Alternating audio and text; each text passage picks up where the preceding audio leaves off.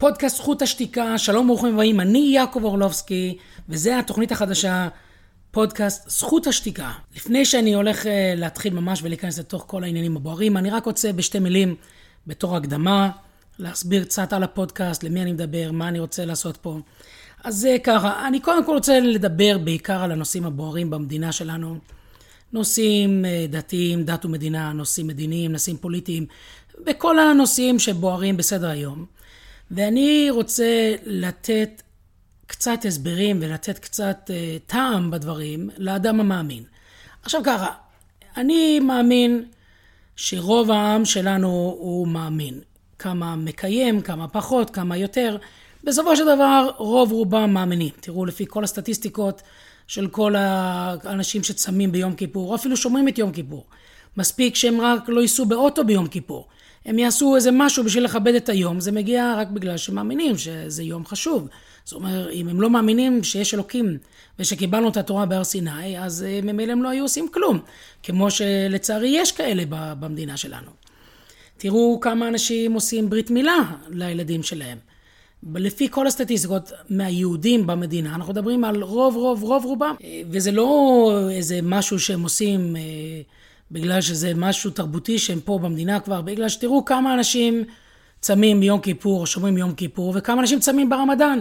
כמה אנשים עושים ברית מילה לילדים שלהם, וכמה אנשים שמים עוגיות לסנטה קלאוס או משהו ב, ב, בשביל שיביא להם מתנות, או, או מדליקים מעצי אשוח. באמת אה, תופעה שראיתי שהשנה היה פולמוס גדול על אנשים שכן הדליקו כן שמו את זה, אבל גם האנשים האלה לא בגלל שהם מאמינים בשום דבר. תשאל אותם אם הם מאמינים בסנטה קלאוס או בכל שאר השטויות האלה, אני לא חושב שתמצא אף אחד שמאמין בזה. כמה אנשים שמים אה, בובות של בודה או דברים כאלה. אה, כלומר, אה, יש פה באמת, רוב רובם של העם הוא עם מאמין, ואליהם אני בעיקר, אני רוצה לדבר. אני לא אומר שלא צריך לדבר גם כן אל שאר העם, אם יש אנשים שלא מאמינים, יכול להיות שצריך לקיים דיונים, אם יש אלוקים, אם אין אלוקים. אם יש תורה, אין תורה, מה, מה זה אומר, כמה צריך, מה צריך לעשות וכולי. אני לא נכנס לזה. זה לא יהיה בפודקאסט הזה.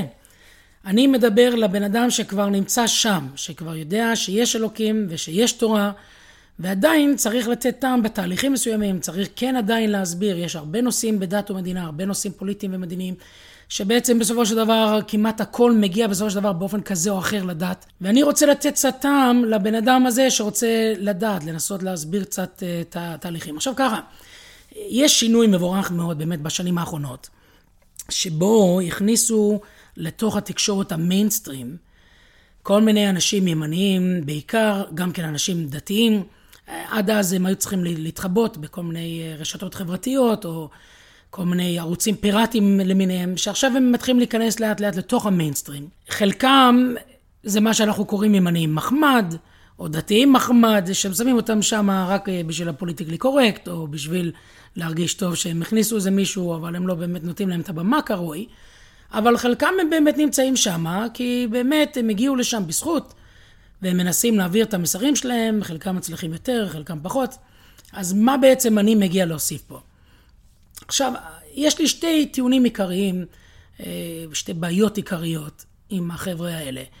האחד זה שכמעט תמיד הם יהיו עיוורים לצד אחד, לצד שלהם, שהם מייצגים, ויהיה קשה להם מאוד לקבל את הצד השני, לפרגן כשצריך לפרגן, או להעביר ביקורת על הצד שלהם כשצריך.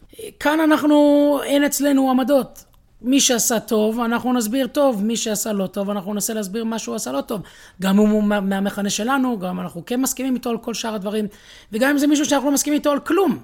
אבל במקרה עכשיו הוא עשה משהו טוב, גם זה בסדר גמור, ראוי לשבח. אני אביא איזה דוגמה, דווקא בכוונה אני רוצה להביא דוגמה ישנה, כי אני לא רוצה להיכנס פה כרגע לתוך הנושאים שקורים היום. אבל למשל בשנת 1994 היה דדי צוקר ממרץ, שאני לא יכול להגיד שאני מסכים איתו כמעט על שום דבר אחר, אבל הוא העביר חוק נפלא, שעד אז בעלי חוב שלא יכלו לשלם את החוב שלהם היו יכולים להיכנס לכלא, היו יכולים לשבת בכלא. והוא העביר את החוק שאומר שבעלי חוב כבר לא יכולים לשבת בכלא, שזה חוק שעד היום יש אותו. אה, עד אז במדינת ישראל, מישהו פשט רגל או שהיה לו חובות, הוא לא יכול לשלם, אה, היה סיכוי שהוא יישב בכלא. מאז אין את זה כבר, וזה משהו שדדי צוקר העביר, שזה טוב מאוד. הוא עשה דבר טוב מאוד, זה דבר מצוין, זה חוק נפלא, אין שום היגיון שבן אדם שחייב כסף ולא יכול לשלם את הכסף, צריך לשבת בכלא, זה הרי אבסורד. היום זה דבר אבסורד, שכולם מבינים שזה דבר אבסורד, שבן אדם יושב בכלא בגלל שהוא חייב כסף ואין לו איך לשלם את זה, אבל זה היה חוק. אז זה דבר נפלא, זה דבר מצוין, ומגיע לו כל הראוי לשבח על זה. הבעיה השנייה שיש לי, זה שרוב רובם של החבר'ה, ואני הולך להגיד עכשיו כלל על כל התוכנית, כל דבר שאני אומר פה זה על פי רוב. תמיד יש יוצא מן הכלל, תמיד יש מקרים יוצאים מן הכלל, אבל על פי רוב, בסופו של דבר, רוב החבר'ה האלה מדברים אל השמאל. הם מדברים בנרטיב של השמאל, הם מדברים בנרטיב של, ה, של הצד השני, הם מנסים להסביר כאילו לצד השני, כאילו שזה באיזה התנצחות פה, וכאילו שהם הצליחו לשכנע אותם או משהו כזה. אה, ו- ומדברים אליהם בעיקר, במקום לדבר אל הבייס שלהם. עכשיו, אם אתה רוצה אה, לשמוע ולקבל איזה תובנות, או לנסות להבין על הצד שלך, אז יש לך את האופציה, שזה מה שנשאר לך לעשות, זה לנסות להקשיב להם, ולנסות בדו-שיח כביכול שלהם עם הצד השני, לנסות לקבל ולהבין דברים מסוימים. אני לא הולך לדבר על הצד השני. הצד השני מבחינתי לא מעניין אותי הצד השני. אני לא מעניין אותי מה הם חושבים, אני לא מעניין אותי מה הם עושים, אני לא הולך לדבר בנרטיב שלהם, ואני לא הולך לדבר אליהם. אני רוצה לדבר אל האדם המאמין. ואני רוצה לנסות לתת קצת טעם בדברים ובתהליכים אל האדם המאמין. ואם יש אנשים שהם לא כאלה, יכול להיות שזה דיון שצריך להתקיים. יכול להיות שצריך, כמו שאמרתי, כן לדון על כל הדברים האלה, וצריך לקיים איתם דו-שיח ולדבר איתם. אני לא מאמין גדול בזה, אם אתם קוראי הארץ או מצביעי מרץ, אני חושב שפחות תועלת יש. אני לא חושב שיש שם הרבה מאוד סיכוי שיצליחו לשכנע אותם, אבל יכול להיות שכן, או לפחות בודדים. זה סיכוי שישנו, וזה דיון שצריך להתקיים אולי, אבל זה לא יתקיים אצלי פה בתוכנית הזאת. התוכנית הזאת מיועדת לאדם המאמין, לנסות להסביר תהליכים אה, ולתת קצת טעם בדברים כמו שאני אמרתי. עכשיו, זה בהחלט דבר שעושה הרגשה טובה, אם מישהו מהצד שלך אה, עומד במקום ששומעים את קולו, והוא רב את המריבות שאתה רוצה ומשמיע את קולך, זה דבר טוב מאוד, זה עושה הרגשה טובה. אה, אני לא רואה בזה תועלת לנקודות שאני רוצה להעביר. אני לא חושב שהם יסכימו לקבל את זה, וצריך לקיים דיון שונה, שונה איתם. האם יש אלוקים, והאם יש תורה, ואם כן, אז אפשר לנסות להתחיל במקום אחר. אני רוצה להתחיל משם. עכשיו, אין להם הרבה ברירה לפעמים, בגלל שכשאתה נמצא בתוך המיינסטרים על כל פנים, אתה מתמודד מול צד ששולט במדינה על כל גווניו. הם שולטים בתקשורת, את זה כבר כולם יודעים. אפשר להביא, לספור אותם על כף יד אחת, אולי שתי ידיים, אבל בסופו של דבר המספר שלהם מצומצם מאוד, וההשפעה שלהם גם כן מצומצמת. אז הם שולטים בתוך הדעת קהל, הדעה הציבורית, במיינסטרים מידיה, איפה שרוב הציבור רואה ושומע, הם נמצאים שם חזק מאוד. זה אומר, עד עכשיו בכלל לא היה את האופציה. הייתם צריכים רק להיות ברשתות חברתיות, כל אחד לייצר לעצמו את הפיד שלו, כל אחד לנסות לקבל את המידע שלו מהמקורות שהוא היה מאמין בהם. היום יש את זה כבר בתוך המיינסטרים מדיה, וזה באמת שינוי לטובה, אני מאוד בעד. עכשיו, הנרטיב עצמו, אני צריך להגיד, גם כן משתנה בשנים האחרונות. יש פה תהליך גם כן מאוד יפה, שכל מיני מושגים שהיו מקובלים ודעות מסוימות שהיו מקובלות לפני 20 שנה, 15 שנה, זה דברים שכבר היום פחתו מאוד. גם בנושאי דת, אה, תראו למשל את, ה, את העניין של חוק הגיוס של הבחורי ישיבות. אפילו יאיר לפיד, שלא לא צריך להרחיב על האהבה הגדולה שלו לדת, בכאילו, כן, בגלל שכולם יודעים מה, מה העמדות שלו, אבל אפילו הוא לא מוכן להגיד את הדעה שהיה, שהייתה נשמעת פה במדינה, שכל הבחורי ישיבה צריכים להתגייס וצריך לסגור את הישיבות וכולם צריכים ללכת לצבא, זה נרטיב שלא נשמע היום כבר. הוא עדיין מנסים להילחם חזק מאוד, אבל הם גם כן מוכנים שחלק ילמדו. הוא אומר עכשיו 400 תלמידים, אז יש עכשיו ויכוח על הכמות, אבל זה אומר שהם לא מסכימים אפילו לצאת עכשיו כבר בריש גלי ולהגיד שכבר לא צריך אנשים שלומדים. הם מסכימים שצריך, השאלה זה רק על הכמות. הרוב כן, הרוב לא, אוקיי, בסדר, אבל... ואם זה לא מגיע מאהבה גדולה שלו, זה אומר שאפילו הוא הבין שבשביל להצליח כאן במדינה, או להיות ראש ממשלה במדינה, הוא לא יכול ללכת עם נרטיב כל כך אנטי וכל כך מתנגד, הוא צריך לרכך עמדות קצת. אני לא חושב שהוא באמת חושב ככה. אני לא חושב לשנייה אחת שהוא באמת מאמין שצריך אפילו בן אדם אחד לשבת בישיבה או בכולל ולשבת וללמוד תורה. אני חושב שהוא מבחינת דעתו האישית, ככה אני חושב, ככה אני מבין, לפי מה שאני רואה ושומע ממנו. אבל הוא לא מוכן להגיד את זה, כי הוא מבין שזה יפגע בו אלקטורלית, וממילא אם השאיפות שלו זה לשלוט במדינה ולהיות ראש ממשלה או להיות משפיע כמה במדינה, הוא לא יכול ללכת עם הקו הזה, ולכן הוא צריך ללכת עם קו פשרני יותר. מה שאומר שזה מייצג את הנרטיב בעם שמשתנה, אפשר לראות את זה בחוש. אבל עם כל זה אני חוזר בחזרה לנקודה לפני כן, עדיין הם שולטים בתקשורת. ואני ארחיב בכל נושא שאני זורק עכשיו, אבל רק בתור הקדמה, אז אנחנו נרחיב בכל נושא. אבל הם שולטים גם כן בכמעט כל מערכות של התרבות במדינה. כלומר, הצרכן שאמור לקבל את המידע שלו, מקבל את זה מהתקשורת או מהתרבות, אז הם האלה ששולטים שמה. ולכן יכול להיות שאין ברירה לצד השני, והוא צריך לבוא ולהתנגח ולנסות להילחם איתם ולנסות לשנות את הדעת קהל, לפחות בדברים מסוימים, וזה באמת משהו שרואים שקורה. הדבר השלישי שהם שולטים, שזה באמת מי ששולט כאן בכל המדינה, זה בבתי המשפט. שכשאני אומר בתי המשפט אני מדבר בעיקר על הבג"ץ ועל היועצים המשפטיים, על כל גווניהם. ואני כן, אפילו שזה לא תוכנית על בג"ץ, ואנחנו נדבר על הבג"ץ, אבל אני רק רוצה להביא דוגמה אחת או שתיים בשביל שנסה, ש, שאני אוכל להסביר לכם מה אני מתכוון כשאני אומר שולטים כאן. היה, יש עכשיו אה, בדיון על חברת הכנסת יזבק מחדש שהיללה מחבלים, היא אומרת שלא, הם אומרים שכן, יש פה דיונים אה, פלפוליים משפטיים בדיוק על ההגדרות, אבל בסופו של דבר אה, היום החליטו בוועדה אה, לפסול אותם מלרוץ לכנסת, שזה יגיע לבג"ץ, שספק בעיניי אם בג"ץ כן יסכים או לא יסכים. אבל היועץ המשפטי, כשהם ביקשו ממנו חוות דעת, לא הסכים לפסול אותה. מה שאין כן, כשבן ארי הגיע, וגופשטיין, ומרזל, אז הם פסלו אותה מיד. עכשיו ככה, אני לא בא להגיד אם אני מסכים איתם, אני לא בא להגיד, להגיד את דעתי כרגע, מה אני חושב על בן ארי או כל החבר'ה האלה. אבל אני רק רוצה להסביר אבסורד אחד משפטי. אם נגיד הייתם עושים עכשיו משאל עם, ומאה אחוז מהעם היו מצביעים במשאל העם, ומאה אחוז מהמשאל העם היה יוצא שרוצים את בן ארי כן בכנסת, או את מרזל או גופשטיין או כל אחד אחר. עדיין יש בסמכותו של בג"ץ לפסול אותם. כלומר, שכל הרעיון של הדמוקרטיה של הכוח בידי העם זה כבר זה לא, זה לא נכון, במיוחד אחרי המהפכה המשפטית של אהרן ברק עכשיו עם אקטיביזם שיפוטי. כלומר, אין פה כבר אופציה לעם להחליט שום דבר, כי אתה לא יכול להכניס את האנשים שאתה רוצה להכניס, גם אם היה 100% מהעם, עדיין בג"ץ יכול לפסול אותם. או למשל עם ראש הממשלה ביבי נתניהו, שרוצה עכשיו להקים קואליציה ולהיות ראש ממשלה בהנחה שהוא יקבל 61 מנדטים בגוש שלו, והוא יוכל להקים קואליציה. ויש פה פולמוס משפטי מסורבל מאוד, האם הוא יכול או לא יכול, בגלל שהגישו נגדו כתבי אישום. אז החוק אומר שראש ממשלה יכול להישאר ראש ממשלה עד לגזר דין חלוט. שזה אומר, אחרי שהחליטו, גם אפשר להגיש ערעורים, ורק אחרי כל הערעורים, אם עדיין החליטו שהוא מורשע בעבירות, אז רק אז הוא צריך להתפטר, עד אז הוא יוכל להישאר ראש ממשלה. אבל יש פה בעיה, בגלל שהוא לא באמת הראש ממשלה נבחר עדיין, בגלל שהוא רק נשאר ראש ממשלה מתוקף תפקידו, שזה היה לפני שהגישו את כתבי האישום. אחרי שהגישו את כתבי האישום לא היה לו באמת את המנדט מהעם, ולכן גם אם הוא ייבחר עכשיו ויהיה לו את המנדט, אפשר שצריך לדון אותו כחבר כנסת בלבד. וחבר כנסת תחת כתבי אישום לא יכול, ולכן רוצים אולי למנוע ממנו. וזה הגישו בקשה לבג"ץ, הבג"ץ לא הסכים לדון בזה עכשיו, הוא ידון בזה אחר כך. אה, אני לא חושב שצריך אה, להיות מופתעים ולחכות בקוצר רוח ובמתח מה יהיו ההחלטות שמה. וכמובן שהיועץ המשפטי לממשלה החליט, כמובן שזה לדעתו לא טוב, הפתעה מאוד גדולה.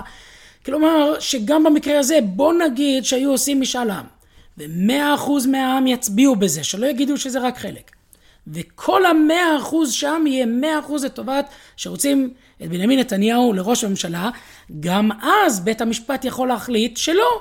זה לא חוקי, זה לא חוקתי, או כל שאר הלשונות שהם משתמשים בהם, בשביל להגיד שאפילו שכל העם רוצה משהו, השליטה נמצאת אצלהם, והם אלה שיכולים להחליט מה יהיה גורל העם וגורל המדינה. אז אתה אומר, אוקיי, אז אני לא יכול להחליט מי אני רוצה שיהיה חברי הכנסת שלי, ואני לא יכול להריץ אותם לכנסת. בסדר גמור.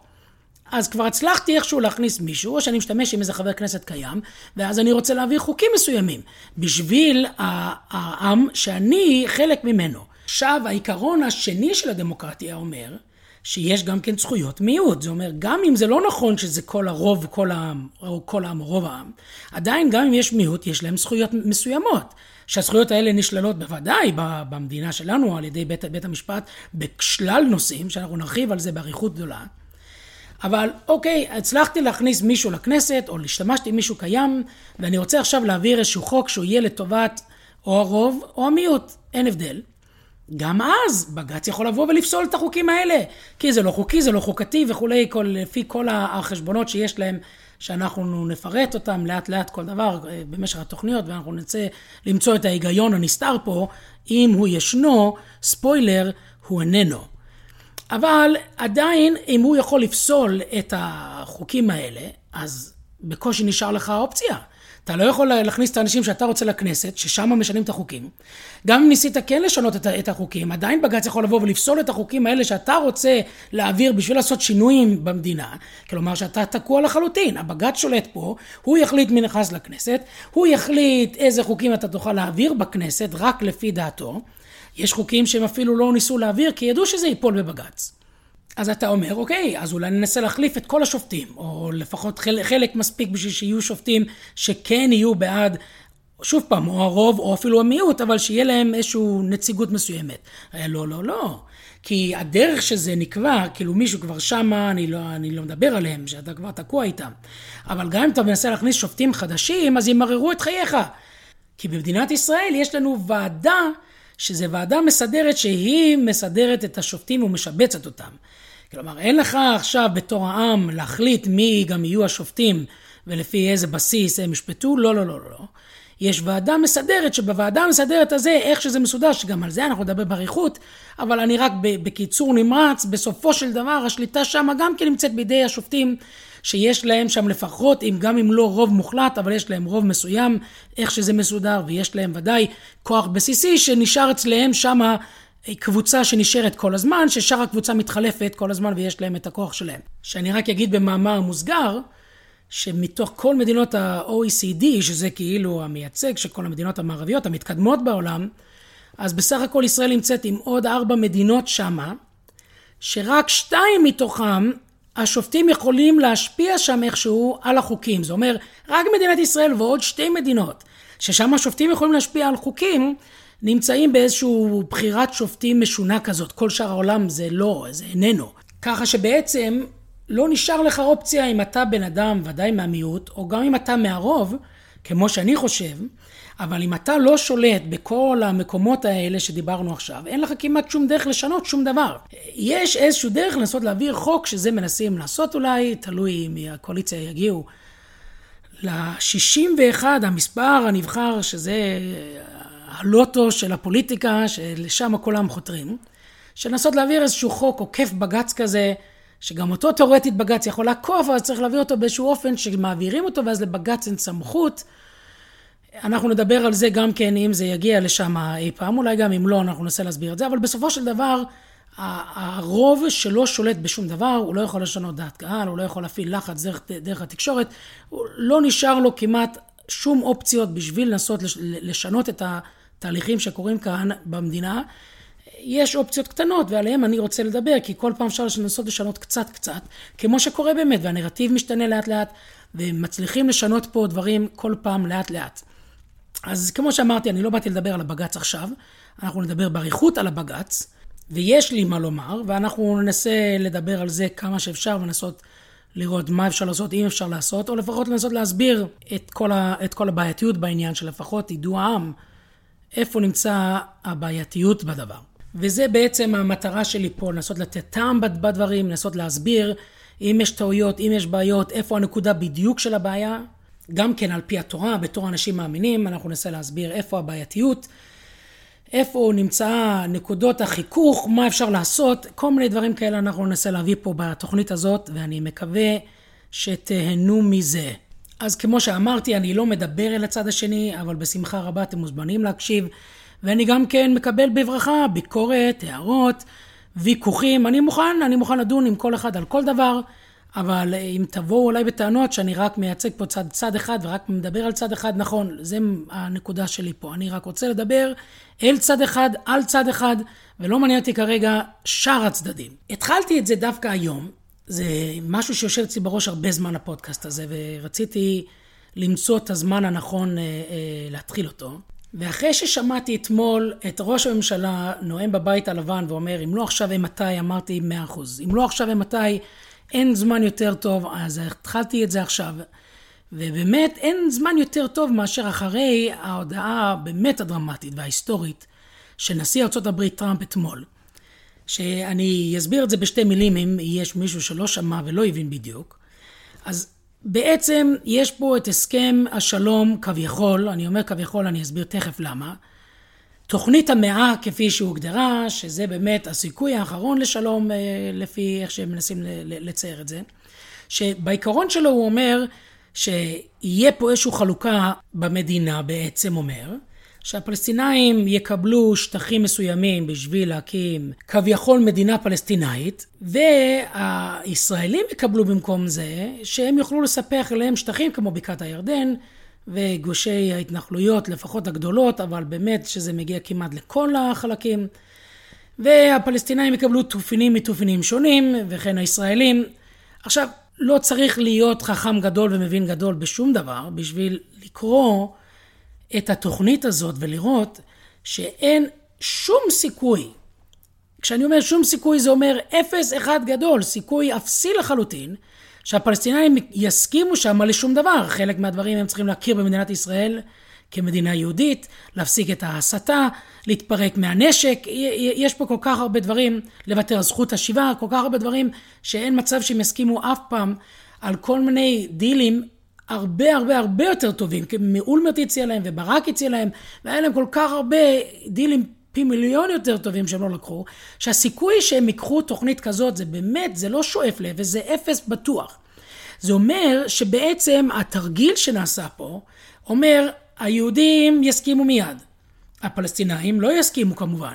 ואז ממילא היהודים יכולים עכשיו לספח אליהם את השטחים שלהם בחזרה, והפלסטינאים יוצאים בתור אלה שמתנגדים לכל דבר, שעד היום היהודים לא הסכימו, כי כל התוכניות היו באמת אנטי-יהודיות.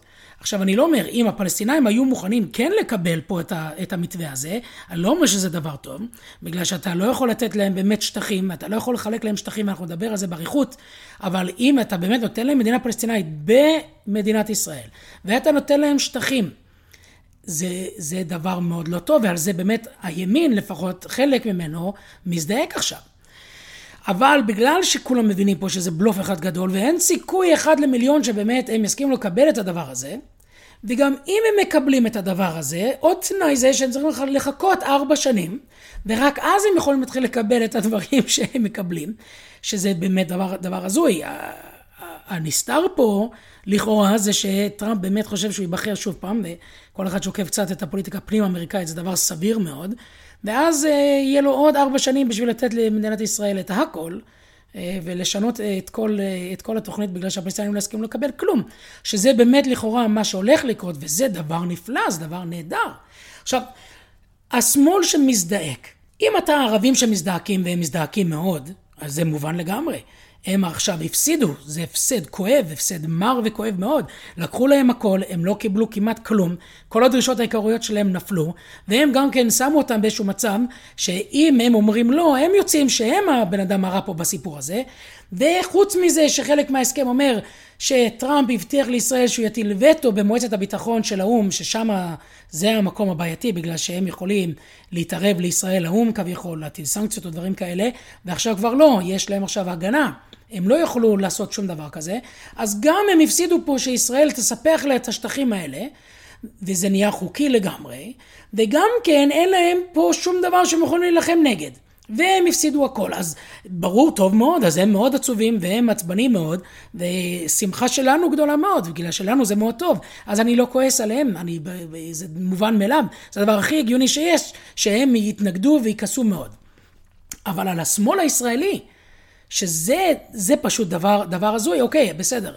אתם בעד שיהיה שלום, ורבתם נגד זה כל הזמן, ואתם בעד ויתורים מרחיקי לכת, אתם יכולים לתת הכל כמעט. אז עכשיו קיבלתם את אותו דבר בלי לתת הכל. אז על מה אתם עצובים? יש לכם את המדינה החזקה בעולם. האו"ם לא יכול לעשות שום דבר נגדכם, וקיבלתם עוד שטחים במדינה. מה רע לכם בזה? איפה הבעייתיות בזה? אם אתם לא עיוורים לנושא, וכשאני אומר עיוורים אני לאו דווקא מדבר עיוורים ממש, אלא משוחדים, בגלל שהשוחד יהווה עיני חכמים. זה אומר שיש לך פה אנשים משוחדים לגמרי, שלא מצליחים לראות שום דבר ישר, שהכל מטושטש אצלם, ואתם אומרים שלום, שלום, שלום, אין בעיה, יש פה תוכנית שלום בשמחה רבה, וזו תוכנית שלום שעוד יותר טובה לך בתור מדינת ישראל. הם גם כן מודים שזה דבר יותר טוב. אז, אז, אז על מה אתה כועס? כל מיני טענות שיהיה עכשיו אה, בלאגן, יהיו מלחמות, יהיה אינתיפאדות, יהיה כל הדברים האלה, כאילו שלא התמודדנו עם זה לפני כן. אבל אוקיי, אז בסדר, אז תכעס על הערבים. אז, אז, אז, אז, אז בעצם מגיע מישהו ואומר לך, אני רוצה להרוג אותך. ואז אתה אומר, אוקיי, בוא נגיע להסכם שלום. אתה עושה עם תיווך אמריקאי, והאו"ם לא יכול לעשות שום דבר, והגעת לאיזשהו הסכם שלום. ואז אתה אומר, לא, לא, לא, זה לא הסכם שלום טוב, אני צריך לתת לו הכל, כי אם לא, הוא יהרוג אותי. אז הוא הורג אותך לפני, והוא הורג אותך אחרי, והוא לא יסכים לקבל שלום. צריך להיות בן אדם עיוור. עכשיו, אני לא מדבר אליהם, ולכן אנחנו יודעים שלא יעזור כל האדמה שיש בעולם שתיתן להם, זה לא, זה לא יעזור, הם לא יפסיקו פתאום לשנוא, אותנו, הם לא יפסיקו לנסות להרוג אותנו, יש אופציה אחת, מבחינת השמאל יש אופציה אחת, אם אתם מאמינים להם, זה לעשות, לקיים טקס התאבדות רבתי, שכל עם ישראל בארץ וכנראה בעולם, כרגע זה עלינו, אבל הם גם כן שונאים אותם אותו דבר, צריכים לעשות עכשיו טקס התאבדות. להרוג עכשיו את כולם, את כולנו, להתאבד, ואז או אז תבוא שלום עליהם. הם לא יסכימו לשום דבר, מה אתם חושבים, שמעניין אותם עוד פיסת אדמה או פחות פיסת אדמה? אה, יש מישהו פה שחושב את זה ככה? אז, אז, אז השמאל מתעתע בעצמו. והרחמנות הגדולה עליהם, שזה פה החלק שהכי מפריע לי, זה שבכזה רגע שיא ורגע היסטורי למדינת ישראל ולעם ישראל, ברגע שהגאולה פה הולכת ומתקרבת כל יום בצעדי ענק, בן אדם צריך להיות שוב פעם משוחד לגמרי, עיוור לגמרי בשביל לא לראות את התהליך הזה. איך ששוב עוד ועוד ועוד ועוד מתווסף פה לתוך תהליך גדול שהתחיל לפני 70 שנה, ושהם בוחרים בכזה רגע היסטורי במקום לאחוז ידיים ולהיות חלק מעם ישראל, מאיתנו ביחד, הם מעדיפים להחזיק ידיים עם האויב. בשביל כמה קולות או כמה לייקים, או אני יודע מה, רוב הסיכויים שזה מגיע לכסף, שאנחנו גם כן נדבר על זה באריכות, על כל הקרנות האלה מהקרן החדשה ושמאלה ממנה, שהם ש... מי שבעצם מפרנס את כל האגודות האלה ואת כל אנשי השמאל האלה, שבסופו של דבר יכול להיות שאין להם ברירה, כי הם עושים את זה בגלל אה, סיבות כלכליות. אז על כל הדברים האלה ועוד אנחנו נדבר פה בפודקאסט הזה באריכות. אני רק הייתי חייב להכניס את הדבר הזה, זה בעיקר פודקאסט של הקדמה.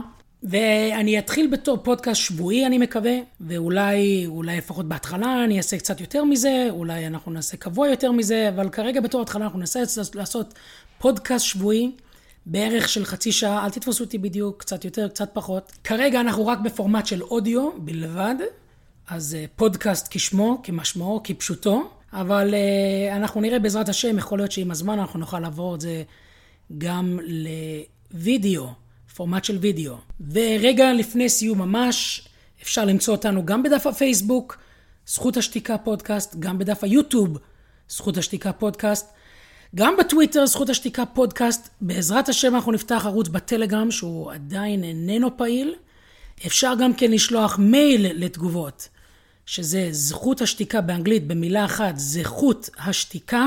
במילה אחת, שטרודל ג'ימל דוט קום, או שאפשר להשאיר תגובות, כמו שאמרתי, בפייסבוק, ביוטיוב ובטוויטר, ואני אשתדל, לא מבטיח, אבל אני מבטיח לנסות להשתדל לפחות, לקרוא את כל התגובות ולנסות אפילו להגיב כמה שאני יכול.